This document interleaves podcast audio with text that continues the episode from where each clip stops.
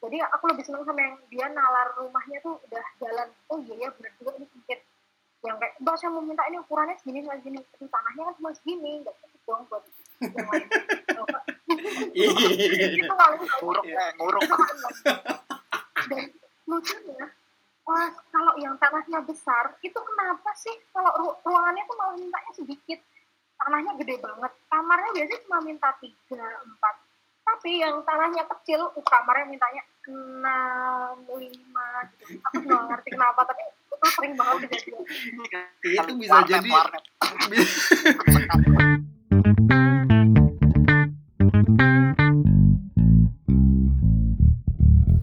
Oke, balik lagi sama kita di sini. Saya dengan Wak. dan saya Bing Kali ini seperti biasa, kami membawa seorang bintang tamu. Kali ini spesial banget karena beliau ini adalah salah satu yang turut serta dalam membangunnya eh, kedai kopi kami yang dulu namanya Kopi Yuk dan sekarang berubah jadi Wak Bing. Hai Wak dan Bing Halo, halo, apa kabar? baik akhirnya kita bertemu ya Bertemu dalam berapa kondisi tahun visual. Hanya dengan suara saja kita bertemu, tapi nggak apa-apa lah ya. Nggak apa-apa lumayan lah Waktu itu kan Misty sempet eh, menghilang ya, menghilang artinya pergi ke Jakarta, terus tiba-tiba pulang ke Jogja itu udah bawa suami aja. ya ampun kayak ngambil dari mana gitu ya suaminya enggak kamu udah nikah udah lama udah hampir setahun nikahnya Belum lama itu berarti baru hampir setahun, oh 10 lumayan tahun. ya oh ya cubu banget ya Mas Ian ya itu Iya, di tahu. Jogja ya oh iya acaranya di Jogja waktu itu aku undang kalian tuh. Habis itu balik lagi aku ke Jakarta buat kerja lagi. Bentar doang tuh pulangnya Jadi ketemu suamimu itu di Jakarta, Miss? di Jogja. Oh, di Jogja. iya dulu dia tuh alumni UGM jadi emang ket- dia bukan orang Jogja tapi dia anak UGM jadi ketemunya di Jogja. Ketemunya sebelum aku pindah ke Jakarta. Itu LDR deh. Sekarang LDR lagi kan? Ya, LDR lagi. Tiga tahun loh saya LDR aduh tapi dari jurusan yang sama enggak dia itu em, apa ya life science lah aku bilangnya Hmm. kalau aku kan arsitektur dia biologi kok bisa ketemu ceritain singkat nggak? Nah. Ya, singkatnya sih sebenarnya cuma dikenalin sih saya. Tadi awalnya dikenalin sama temen yang uh, dia itu uh, temen SMA. Nah, tem temen SMK, SMA aku adalah temen kuliahnya dia. Habis itu kita dikenalin. Habis itu udah kita jalan deh. Cuma gitu aja sih. Nanti spesial nggak yang ketemu di mana-mana mana gitu enggak. Bener-bener cuma dikenalin aja. Ah, apa gitu yang wow gitu kenapa kok bisa akhirnya klop udah apa ya kayaknya pokok pokoknya karena karena bakalan LDR jadi mendingan uh, kita nikah dulu sebenarnya dulu awalnya gitu sih terus ya udah kita jalanin aja karena kan juga aku di Jakarta kan kerjaannya padat banget kerja itu jadi sampai sekarang aku masih kerja dari Senin sampai Sabtu by the way wow wow sekali kan Itu udah pindah ke Jogja. ya, di Jakarta gitu, di Jogja gitu. Karena di Jogja ini sebenarnya cabang Jakarta di kantor yang sama. Berarti sangat Iya, beruntung ya kamu ya? Udah. Kamu Iya, iya, ya, sangat sih. beruntung. Dipulangin, ya Allah, seneng banget. Udah. Iya, dia mau resign. Karena emang pengen pulang ke Jogja, tapi kebetulan, alhamdulillahnya, kebetulan owner dari dari perusahaanku ini eh, bilang iseng nih, Misti gimana kalau buka cabang di Jogja? Kira-kira gimana? Mau nggak? Iya mau dong Pak. ya udah akhirnya nggak jadi resign deh. Berarti jabatanmu sekarang eh, udah lebih tinggi dong, Miss, daripada yang dulu. Ah, kalau secara nama struktural sih enggak. Cuman kalau secara apa ya? Secara sejarahnya sih sepertinya iya karena jadi aku jadi kepala kantor Jogja, tapi secara struktural aku tetap jadi arsitek seperti yang di Jakarta kemarin sih. oh, berarti membawahi beberapa staff gitu Yes, tapi sekarang baru satu sih staffnya by the way. belum belum banyak karena aku baru buka staff khusus presiden staff khusus presiden. Ampun. Kalau nggak salah, eh, Misty sama Hendy tuh kenalnya di eh, sebuah tempat kursus bahasa Prancis nggak sih? Bisa diceritain nggak tuh? Nah, Saya itu bahasa- dia. Sekol tuh kayaknya tuh kayaknya Mas Hendy ini dulu oh eh bukan telat ya baru datang di tengah-tengah ya Mas ya Iya biasa saya jagoan biasa telat datang. iya telat jadi dia baru di tengah-tengah level gitu kayaknya deh tapi malah Mas Hendy selesai sampai sampai BD ya aku malah berhenti sampai BA iya kan? Aku pindah ke Jakarta. Iya. Nah, waktu itu Misty kan juga eh, membantu kami untuk mendesain sebuah kedai yang menurut kami berdua itu kedai ini terlalu manly kalau eh, hanya kami berdua aja yang eh, mendesain ini dan butuh sentuhan perempuan. Dan waktu itu Hendy langsung eh, menyebutkan bahwa ada nih temanku anak arsitek Atma Jaya gitu. Oh ya udah boleh boleh. Dan akhirnya eh, kami bekerja sama dengan Misty.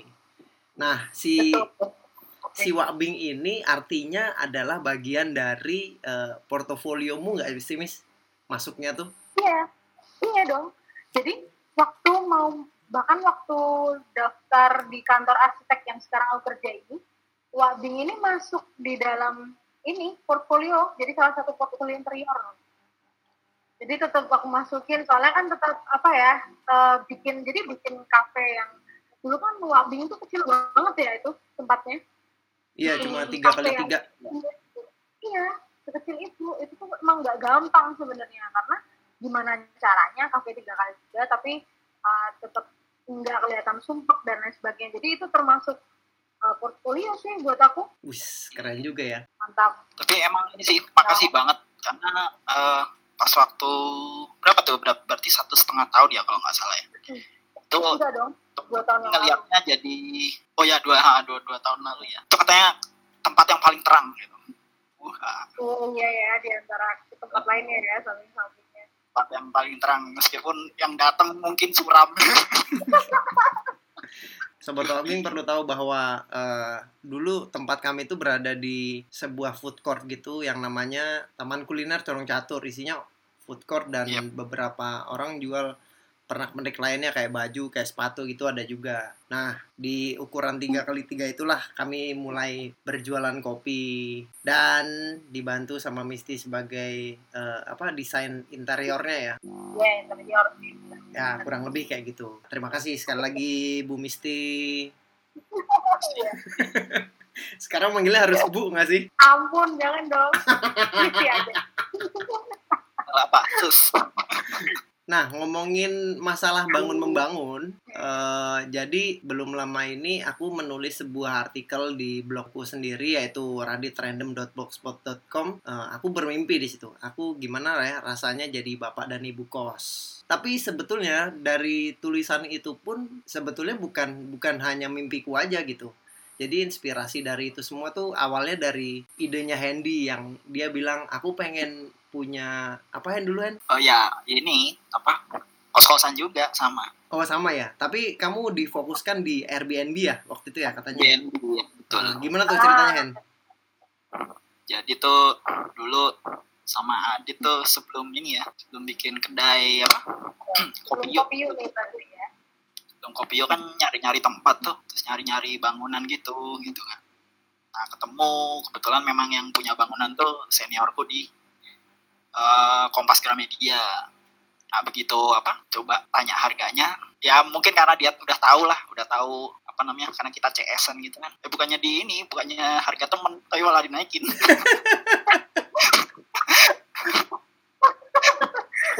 Ah udah dah. Yang punya pasti direktur keuangan ya. Dia ngerti. Ya, dia udah tahu itu. Tapi itu nggak meleset juga sih Hen. Dengan kita punya kedai waktu itu kan kita pengennya beda ya.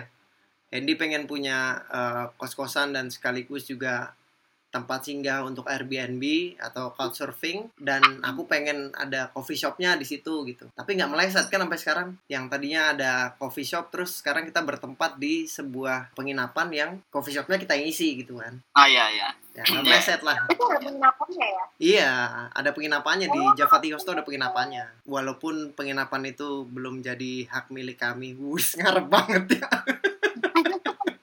Mau ya. Kalau ditawarin mau sih, kalau ditawarin mau sih. Gimana Pak Profesor, maukah menjadikan tempat itu milik kami? Siapa tahu ya, ada malaikat lewat kan. Amin, amin, amin, amin, amin. Ada satu yang aku penasaran tentang eh, membangun sebuah tempat. Ya, kita khususkan aja lah. Ini kayak misalnya eh, bangun rumah deh. Membangun rumah itu sebetulnya kalau dari sisi arsitek, Miss, Hmm. apa dulu yang harus dipikirkan? Yang dipikirkan pertama ada tanahnya apa enggak? Itu Oke. pasti dong ya. Pasti. Oh, iya. Ada tanah tapi nggak punya duit, bisa nggak, Miss? Ah, hmm, nah, mau secara teori apa sebenarnya nih? Kalau misalnya punya tanah dulu dan uangnya nggak langsung banyak, bisa loh. Aku udah ada pengalaman uh, ada apa namanya temen yang dia tuh beli apa bahan-bahannya tuh sedikit demi sedikit dan baru dikumpulin baru berhasil dijadikan rumah itu enam tahun. Enam tahun. Tapi, ya enam tahun lama. Jadi sampai anaknya tuh SD kelas 6 itu baru dia bisa bangun. Tapi dia belinya tuh kayak besi dulu dikit-dikit, paling cuma 2 juta, 2 juta, 2 juta. Akhirnya sekarang udah jadi rumah yang bagus banget. Itu juga bisa, tapi It- kalau kalian mau sabar. Oke, itu artinya eh, dia sama sekali tidak mengambil, tidak perlu mengambil KPR dong. KPR bangun ya, terutama ya. Mm-mm, betul. Ya kalau itu sih pure emang dia nggak mau, uh, katanya nggak mau kredit lah ya. Dia maunya bangun aja tapi pelan-pelan gitu. Tapi kalau sebenarnya kalau misalnya ada, aku pribadi ya sebagai orang yang pernah yang kalau di kantorku kan emang spesialis rumah tinggal itu bisa rumah pribadi bisa perumahan nah itu ah, ini bukan mematiin usaha perumahan ya tapi aku tahu banget sih perumahan itu kayak jadi kenapa dia itu bisa harganya segitu gimana cara mereka dapat untung ya itu salah satunya dari kualitasnya yang pasti.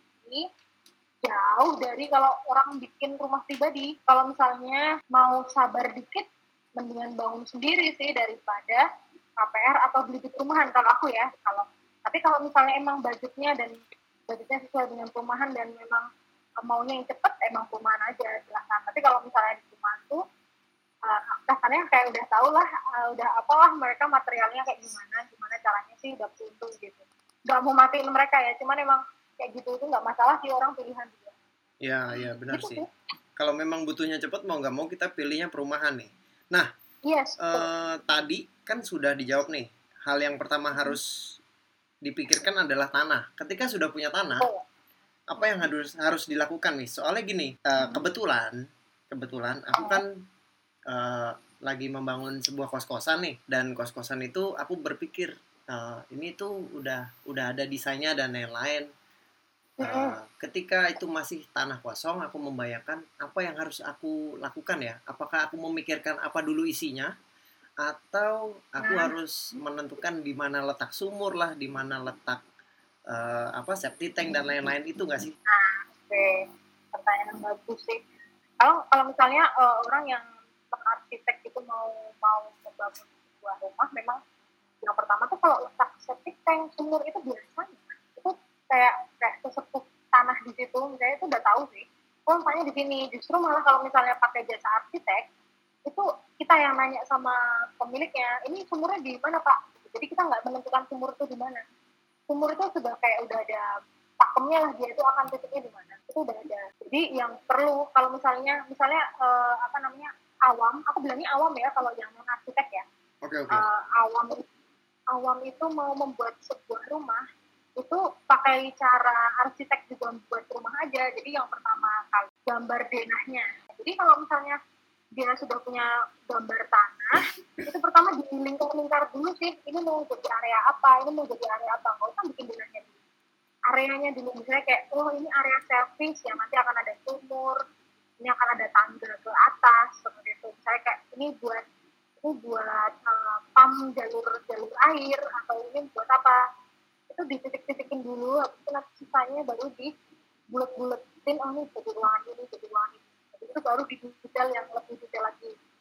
Terus yang kedua jadi sebelum oke aku agak lompat ya sebelum itu semua yang pertama harus tahu kebutuhannya. Mau untuk berapa orang buat apa. Habis itu eh, pasarnya nanti siapa. Nanti mau fasilitasnya apa. Gitu-gitu tuh harus ada dulu. Jadi itu kayak data lah. Kita itu kayak data awal gitu, sebelum membuat semua itu. Nah, itu penting banget. Jadi jangan sampai bikin sesuatu tapi sebelumnya masih ngawang nih ini buat siapa ya?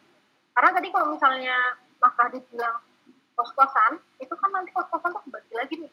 Mau kos-kosan standar kos-kosan biasa yang paling biasa atau malah yang eksklusif gitu. Oh, itu nanti udah beda semua. Itu nanti isinya beda fasilitas beda aksesnya beda. Itu gitu udah beda semua. Jadi yang penting itu adalah ini mau dijadikan apa kebutuhannya seperti apa? Gitu. Itu untuk awalnya. Oh ya nih, nyambung nih, nyambung ke pertanyaan Adit cuma lebih ke apa desain interiornya nih. Jadi kalau apa sih pertimbangan apa ya mau kalau mau bikin desain interior tuh dengar-dengar katanya juga harus memperhatikan ini juga apa suasana psikologi orang yang datang atau orang yang tinggal di situ. Bisa dijelasin nggak? Kira-kira gimana? bener bener banget. Makanya kalau kalau ada apa namanya kayak ada pepatah gitu dari seorang arsitek yang cukup terkenal gitu.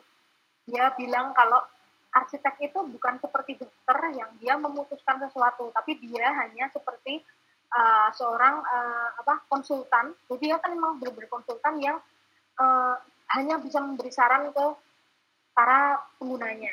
Jadi itu semua keputusan pengguna yang pertama itu ya.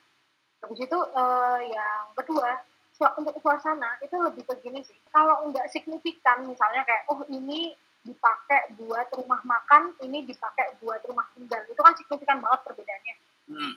Nah itu baru itu ada perbedaannya. Tapi kalau yang misalnya kayak buat rumah, rumah entah jadi rumah atau jadi kos atau jadi guest house itu masih mirip-mirip sih. Cuman interior itu sendiri sebenarnya enggak yang eh, gimana ya psikologis pengguna tuh enggak sebesar itu. Jadi interior tuh tidak se tidak se merubah itu. Lebih banyak perubahannya tuh kayak ini pengalaman orang kalau masuk ke suatu eh, suatu bangunan. Jadi gimana orang itu dibawa di bangunan itu. Misalnya nih kalau mau masuk ke sebuah resort, dia habis parkir mobil, nanti dari dia parkir mobil sampai ke kamarnya yang jauh banget kan resort kan beda gitu. Itu orang itu memang akan dibuat biar dia itu terkesan dulu sama area-areanya, baru nanti dia sampai resepsionis buat nanya mau kamar yang kayak gimana. Nah dia kan udah terkesan nih sama sama suasana yang dari parkiran sampai resepsionis ini. Ah, Nah, itu tuh membuat dia jadi terpengaruh untuk menggunakan kamar yang fasilitasnya lebih ya, yang eh, nggak terlalu murah lah. Dia ambilnya nanti fasilitas yang yang tengah aja. Jadi lebih ke berpengaruhnya ke situ sih. Jadi bukan ke interiornya, banyaknya lebih ke suasana suasana bangunannya gimana dia dibawa ke bangunan itu. Eh, nanti dia dilewatin dulu nih sama kolam yang ada apanya. Nanti dia pas nanya ini kalau bisa di sini harus pakai yang apa? Oh, ini fasilitasnya harus pakai yang ini Pak, yang eh, yang nomor satu misalnya karena dia pemandangannya ke sini. Nah, dia tuh otomatis akan tertarik dulu nih pakai yang yang fasilitas mahal ini. Gitu. Jadi dibanding ke interior jauh lebih berpengaruh di itu tadi pengalaman meruangnya orang kalau masuk sebuah bangunan. kita kan sebagai orang yang tinggal di Jawa dan dengan budaya Jawa yang cukup kental, biasanya ya Mhm. kalau kita masuk rumah itu eh, dapur tuh terletak di paling belakang dan Betul. sedangkan aku follow beberapa akun arsitektur yang eh, katakanlah aku suka model apartemen gitu, kebanyakan apartemen itu begitu kita masuk apartemen itu dapur tuh selalu paling depan Hmm. itu gimana Miss menurutmu apakah Ya. eh, itu sebuah patokan yang eh, baku atau pakem untuk untuk si arsitek membangun se- mendesain sebuah rumah atau gimana Nah, oke jadi kalau bandingannya rumah sama apartemen tuh beda. Kalau rumah tuh banyak banyak ke maknanya ya. Jadi kenapa kok dapur dibilang karena itu memang dapur memang sesuatu yang harus disembunyikan gitu. Sedangkan kalau apartemen itu entah itu apartemen atau kantor itu fungsi lebih ke fungsi. Jadi dia kenapa ada di depan ya maintenance-nya gampang. Nanti kalau ada apa-apa orang yang maintain ini nggak perlu ngelewatin misalnya studio gitu ya nggak Hmm. perlu ngelewatin kamar tidur dulu habis itu ke ke dapur gitu jadi ya ya udah tinggal buka pintu beres-beres di depan benerin itu dia keluar oke. Jadi kenapa kok area-area yang dibenerin gitu kalau untuk apartemen tuh pasti di depan kayak kamar mandi dia langsung ditemukan itu ya. Itu karena banyak yang dibenerin tuh di, di area situ. Tapi kalau rumah itu kan lebih ke pemaknaan gitu. jadi kenapa kok rumah itu dapurnya di belakang apa kalau nggak dapurnya harus menghadap ke apa namanya eh, misalnya kayak eh, ini tempat masaknya harus menghadap ke mana nggak boleh nggak boleh ke nggak boleh ke pintu utama dan lain sebagainya itu kan juga itu kan pemaknaan masing-masing orang di rumahnya jadi emang itu hal yang sangat berbeda Menarik terjawab Satu nih, fungsi. terjawab. Satu lagi nih, satu lagi nih. Hmm. Kalau klien-klienmu atau mungkin eh, beberapa orang kan pengen punya rumah yang nggak lepas dari adatnya masing-masing tuh. Pernah Iya. nggak dapat pengalaman kayak gitu terus ini nggak kesulitan nggak untuk memenuhi kemauan klien? Oke, jadi itu lumayan banyak. Eh, daripada adat lebih banyak ke feng shui sih. Kalau kalau Oke. adat itu udah agak jarang. Jadi feng shui itu banyak banget dari yang feng shui-nya tuh ketat banget yang sampai ukuran gitu ada dan juga ada yang feng shui standar. Itu sebenarnya mau itu pakai adat, mau itu pakai feng shui, mau pakai agama atau apa, semuanya tuh nalar bagus banget. Makanya kenapa walaupun aku itu tidak mempelajari dan tidak menggunakan feng shui dalam kehidupan sehari-hari, tapi kalau bikin bangunan, aku tetap terapin itu walaupun klien tuh nggak minta gitu, karena semua yang di, disarankan oleh adat dan dan sebagainya itu, itu tuh ternyata tuh kepake banget gitu loh. Misalnya kayak iya apa namanya kayak tadi dapur yang emang di belakang ya emang benar, kalau dapur di depan kan nggak enak juga misalnya gitu itu semua tuh nalar jadi nggak nggak pernah sesulit itu sih karena biasanya masih nyambung sama konsep-konsep arsitektur pada umumnya Gila berarti kerjaanmu bener-bener stres banget ya Miss ya. Kalau harus nurutin banyak kemauan klien dan lain sebagainya tuh gila juga sih menurutku. Itu bisa berapa lama? ya? sebenarnya stresnya bukan kalau jadi gini uh, aku yakin di setiap kantor tuh pasti beda-beda kebetulan kalau di kantorku memang tipikal yang kita tuh bikinnya tuh by by apa namanya waktu gitu deadline. Jadi kita nggak nggak pernah lama sih. Biasanya total pembuatan dari nol sampai sampai selesai gambar tiga dimensi dan gambar kerja jadi itu di 3 sampai lima bulan maksimal. Nggak begitu lama. Tapi kalau untuk zona itu sendiri memang benar sih. Tadi untuk mau eh, apa namanya kemauan klien tuh emang sulit banget. Aku tuh lebih suka ketemu sama klien yang udah agak ngerti tentang rumah daripada orang yang awam banget. Soalnya kalau yang awam banget itu jelasinnya sulit banget. Saya kayak, bu nggak bisa bu kalau ini tuh segini ukurannya, nanti yang ini kemakan jadi segini, nanti ibu jadi nggak dapet ini. Nah itu tuh sulit banget. Jadi aku lebih seneng sama yang dia nalar rumahnya tuh udah jalan. Oh iya ya benar juga ini sempit. Yang kayak, mbak saya mau minta ini ukurannya segini segini. Tanahnya kan cuma segini, nggak cukup dong buat yang lain. Itu paling Nguruk Iya. eh, nguruk.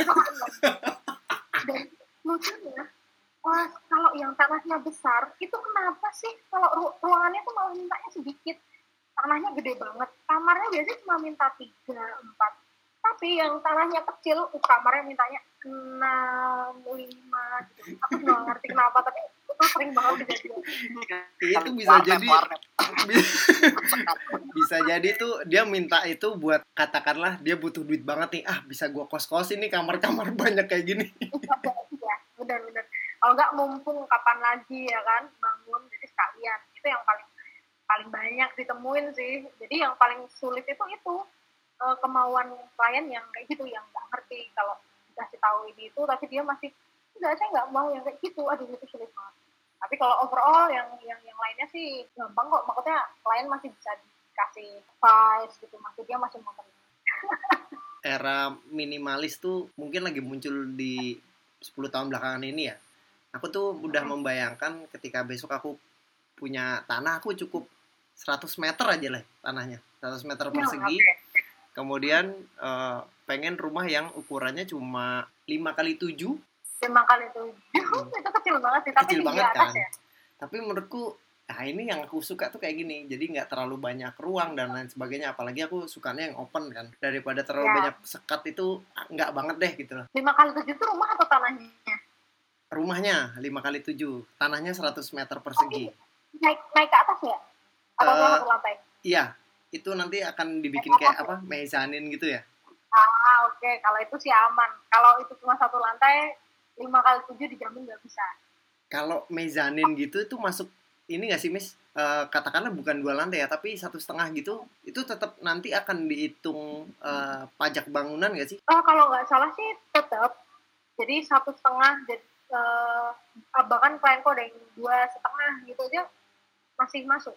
Oh, gitu ya. Nah, sebenarnya itu tergantung dari ketinggiannya sih. Kalau mezaninnya benar-benar rendah banget, itu masih kayak masih satu lantai. Tapi kalau dia ternyata memang jadi seperti dua lantai, tapi Mhm. dalam satu ruangan yang sama, nah itu masih itu masuknya sih kayak jadi kayak satu setengah lantai atau malah dua lantai gitu. Hmm, jadi mungkin besok aku akan mendesain eh, rumahku atas itu tempat tidurnya di bawah itu dapurnya jadi masak sambil tiarap jadi nggak masuk ini Jadi ya kayak gitu ya, nggak ya. Kemah kemah bikin kemah. Itu nanti itu bisa bikin stres misti lagi nih. Ini belum ada yang minta kayak gitu. kerjaan sebagai arsitek yang harus ngurusin klien dan lain sebagainya itu pasti bikin stres juga dong. Jadi eh, menurut Harvard School Public Health dia ada manfaat sebuah kopi eh, untuk perempuan Wih, mantep nih, tahu nih. Sebagai pihak yang eh, dua kali lebih beresiko stres daripada pria ternyata kopi ini bisa menurunkan resiko tersebut hingga 20% untuk perempuan Oh, ini kopinya harus kopi hitam atau boleh dicampur susu ini, Pak? sebetulnya kalau kalau menurutku kopi itu apa pun boleh dicampur susu boleh enggak Ah, oke. ketika basicnya espresso kan ya fine fine aja gitu itu udah termasuk kopi juga mau dicampur susu itu oke kadar kafeinnya tetap tetap sama dan tidak akan berubah juga gitu nah Miss ini masih rutin minum kopi nggak Miss Sayangnya enggak begitu. Jadi eh, minum kopi beraninya cuma weekend karena takut nggak bisa tidur.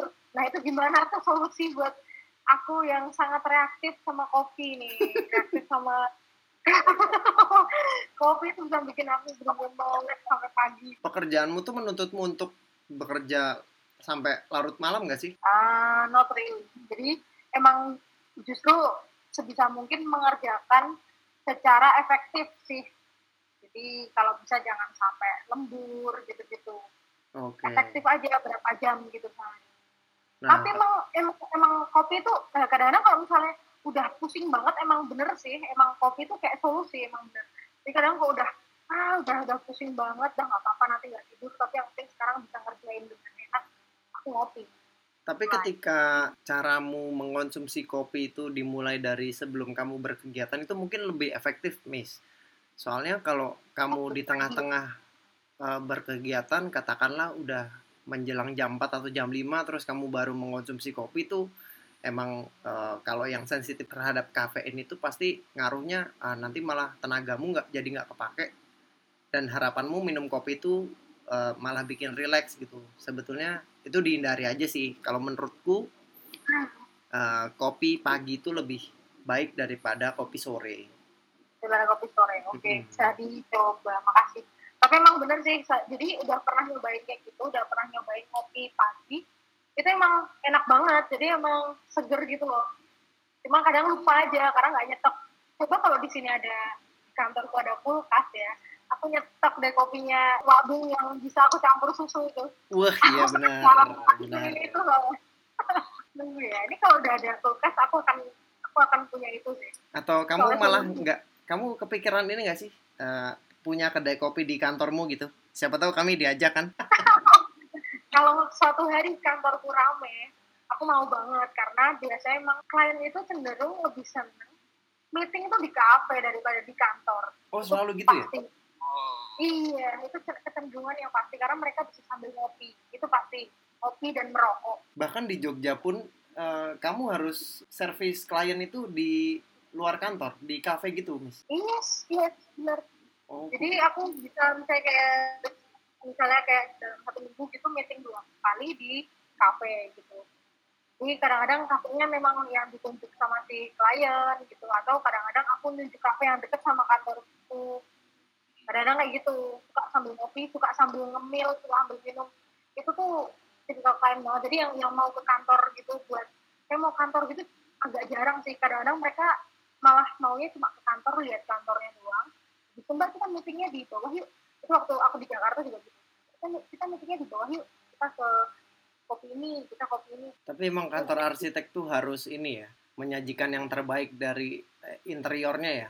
Soalnya itu jadi apa sih? Jadi itu jadi wajah eh, Banget. kantor arsitektur gitu nggak sih? benar sih cuman kalau kantorku memang belum tapi emang iya banget makanya kenapa kok kantor di Jakarta kantor kami yang di Jakarta itu kami pakai pakai apa eh, sewa sebuah gedung yang lumayan eh, terkenal di tengah kota Jakarta Selatan gitu Terkenal Dan tuh itu karena kita- angker. karena dia di tengah kota dan dia di tengah dan dia di sebelahnya mall gitu jadi emang kita emang cari tempat yang se-eksklusif itu bahkan kita cari yang lobbynya bagus kita emang impress pertama kali apalagi nah, jadi kantorku tuh emang desain rumah mewah kasarnya gitu udah udah udah khusus sih emang emang dari kantorku itu emang desain rumah mewah Apa sih Miss nama kantornya?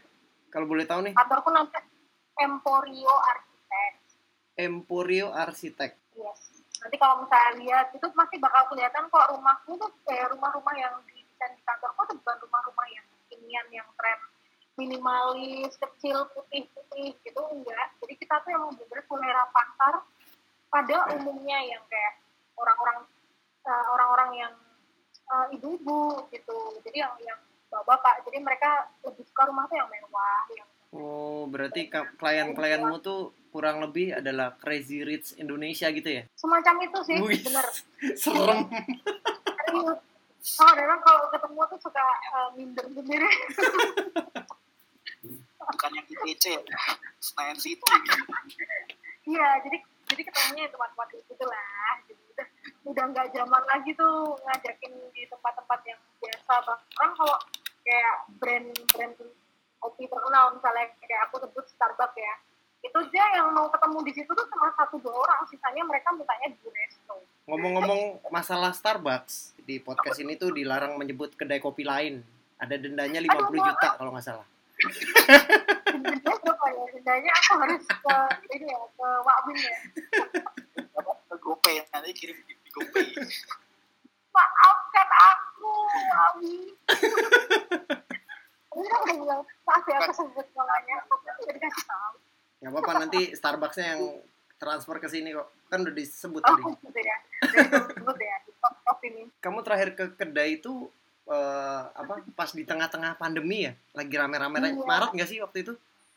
Iya benar, itu lagi pandemi banget yang kayak gak ada yang buka gitu. Kamu inget nggak kamu pesan apa waktu itu? Aku ingat aku pesen kelor, Ah. Ya ya ya ya ya. mantul ya. itu. Itu mantul. Aku bahkan sempat pesen lewat apa? eh good. Ya aku ini sebut lagi ya, sebut. Ah, eh, bukan kopi sih. Guguan gitu, gu atau Oh kalau itu nggak apa-apa, itu sebutin aja, ya. nggak apa-apa. Grab itu partner ya ya aku beberapa kali pesen itu sih buat aku minum di kantor karena kan lumayan terlalu jauh Kamu punya fakta Kelor. mengenai kelor nggak Hen? fakta mengenai kelor Yoi. jadi kelor itu dulu kan dianggap sebagai apa namanya tolak bala nah ternyata setelah diteliti itu ternyata buat menjaga imun juga gitu kalau yang lagi sekarang kan lagi diteliti nih kelor tuh salah satunya terus ada kulit jeruk terus ada Hmm, jam bener. merah kalau nggak salah itu juga diteliti katanya sih nan- apa bisa menjadi salah satu penangkal virus corona gitu. Nah Walaupun dia warnanya hijau gitu, katanya ada vitamin C-nya ya? ada ada. Oh, ada. ini. Iya, aku itu juga. cukup unik loh soalnya dia warnanya hijau. Dan itu daun. Ada jadi vitamin A B C D sama E kalau nggak salah. A B C D E. Ada kok lengkap semua. Dan kelor itu ini loh apa? Jadi waktu aku sempat posting habis beli itu itu beberapa temenku tuh tertarik. Soalnya kayak lucu banget kelor jadiin apa latte gitu gitu jadi beberapa temenku kayaknya ada yang habis itu beli juga di sana jadi mereka penasaran gimana rasanya kelor tapi bener-bener deh rasanya kayak maca enak banget ya ya benar. sekarang juga maca Hendy nih kalau nggak salah lagi produksi kelor nih di Blitar. ya ya jadi di mantap. di, di sini ada pertumbuhan kelor. Jadi udah tinggal ngambil doang sih sebenarnya. Sama di apa budidayakan aja. Berarti itu sebenarnya nggak nggak liar kan? Setelah saya mengetahui jadi tidak liar.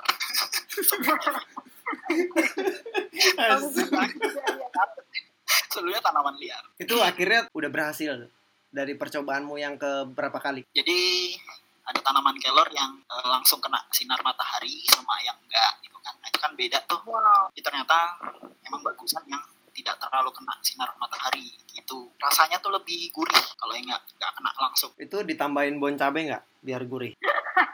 wah itu level 15 pak. Kasih yang cabai teri dong. level 15 nggak terasa juga.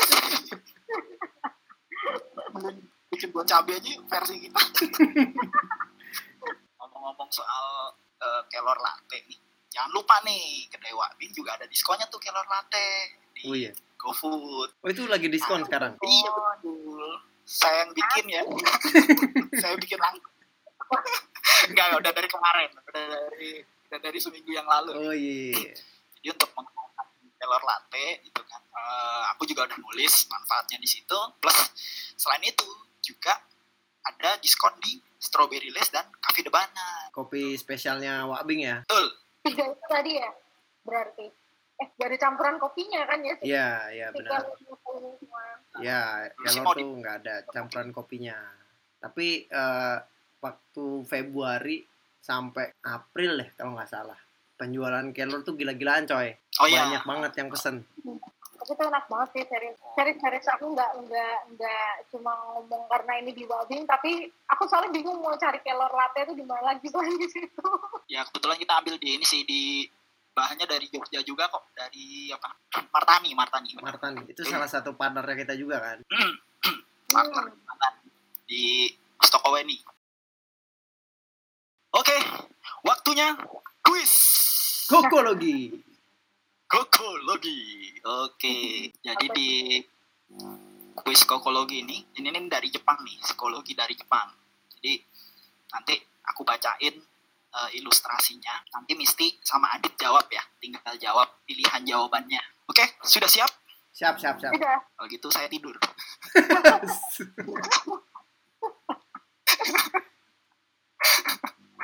Oke, saat tersesat di hutan seharian dan kelaparan, apa yang kamu lakukan ketika menemukan sebuah rumah yang terbuat dari permen? Ini Hansel and Gretel, coy. Nah ya, jadi dibayangin lah kayak Hansel and Gretel lah. Wah, saya mending pulang kalau kayak gitu. Iya sih. Gak ada, gak ada, gak ada jalan pulang, gak ada jalan pulang. Jadi udah, udah paksa di situ. Nah, apa yang kamu lakukan ya? Oke, pilihan jawabannya adalah A. Mulai makan apa saja yang terlihat di depan mata. B. Wajib mencoba sebanyak mungkin permen yang ada. C. Begitu menemukan permen kesukaan, baru kita mengisi perut dan tidak tertarik menjamah permen yang lain. Atau yang D. Gawat, kita tidak suka permen. Kita lebih suka keripik kentang. Silahkan dipilih. Nah, serius tuh yang D. Iya beneran. Oh gitu. Gue pikir bercandaan. Paling nggak nyambung gitu ya. Aku jawab D deh. Aku, aku, Aku nggak suka permen soalnya. Oke. Misti C, Adit D ya. Oke, kita jawab dulu punyanya Misti dulu. C. Itu menemukan permen kesukaan, baru kita mengisi perut dan tidak tertarik menjamah permen yang lain. Jadi ternyata jawabannya Misti itu adalah representasi dari wah sikap membatasi diri. Wah. Bila menemukan satu orang dengan minat dan selera yang sama, weh, ya iyalah, kan? suaminya kan, itu yang ya? Oh cuma gitu doang. Ya, emang gitu. Oh, bi- biasanya ada ini. Biasanya kan ada apa namanya? Ada eh, kata-kata bijak atau apa gitu. Iya benar. Oh, ini nih itu cuma begitu doang. Waduh, kurang seru ya. Kayak saya kata aja dah, kurang seru ini. Yang D gimana yang D? Saya akan coba untuk mencoba merisetnya.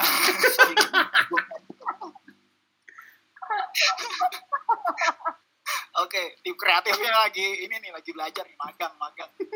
Oh lagi magang ya. Ini Coba-coba nih. Oke, terus yang D ya, si Adit yang D tadi ya. Ya. Gawat, kita tidak suka permen, kita lebih suka keripik kentang. Itu adalah representasi dari berusaha terlihat berbeda, termasuk dalam memilih teman. Waduh. Wih. Wah. Ya masuk akal sih. Sesuai. Iya kayaknya sesuai sini.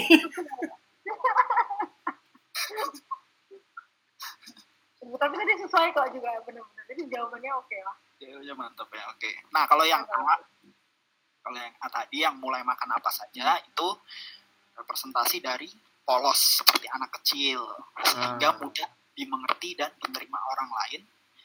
Walaupun gampang ditipu juga wah. Kapok juga nih. Jawabannya. terus tadi yang B ya. Yang B itu wajib mencoba sebanyak mungkin permen yang ada. Itu representasi dari orang ini tidak keberatan bertemu banyak orang tapi belum tentu bersedia berhubungan lebih dalam dengan seseorang wah ya aduh ini ini yang tembak kan kenalin itu ya kan Ini kalau pasti jawabnya B ya Mas Hendy ya aku tuh bisa jawab B loh. Soalnya ada pilihan D. D itu tidak suka sama sekali sama permen kan. Ya udah emang aku nggak suka sama permen. Tapi ketika itu jawabannya ke permen semua, mungkin aku akan jawab B. B ya makan aja semuanya ya kan ran ran kiran kiran panggil dulu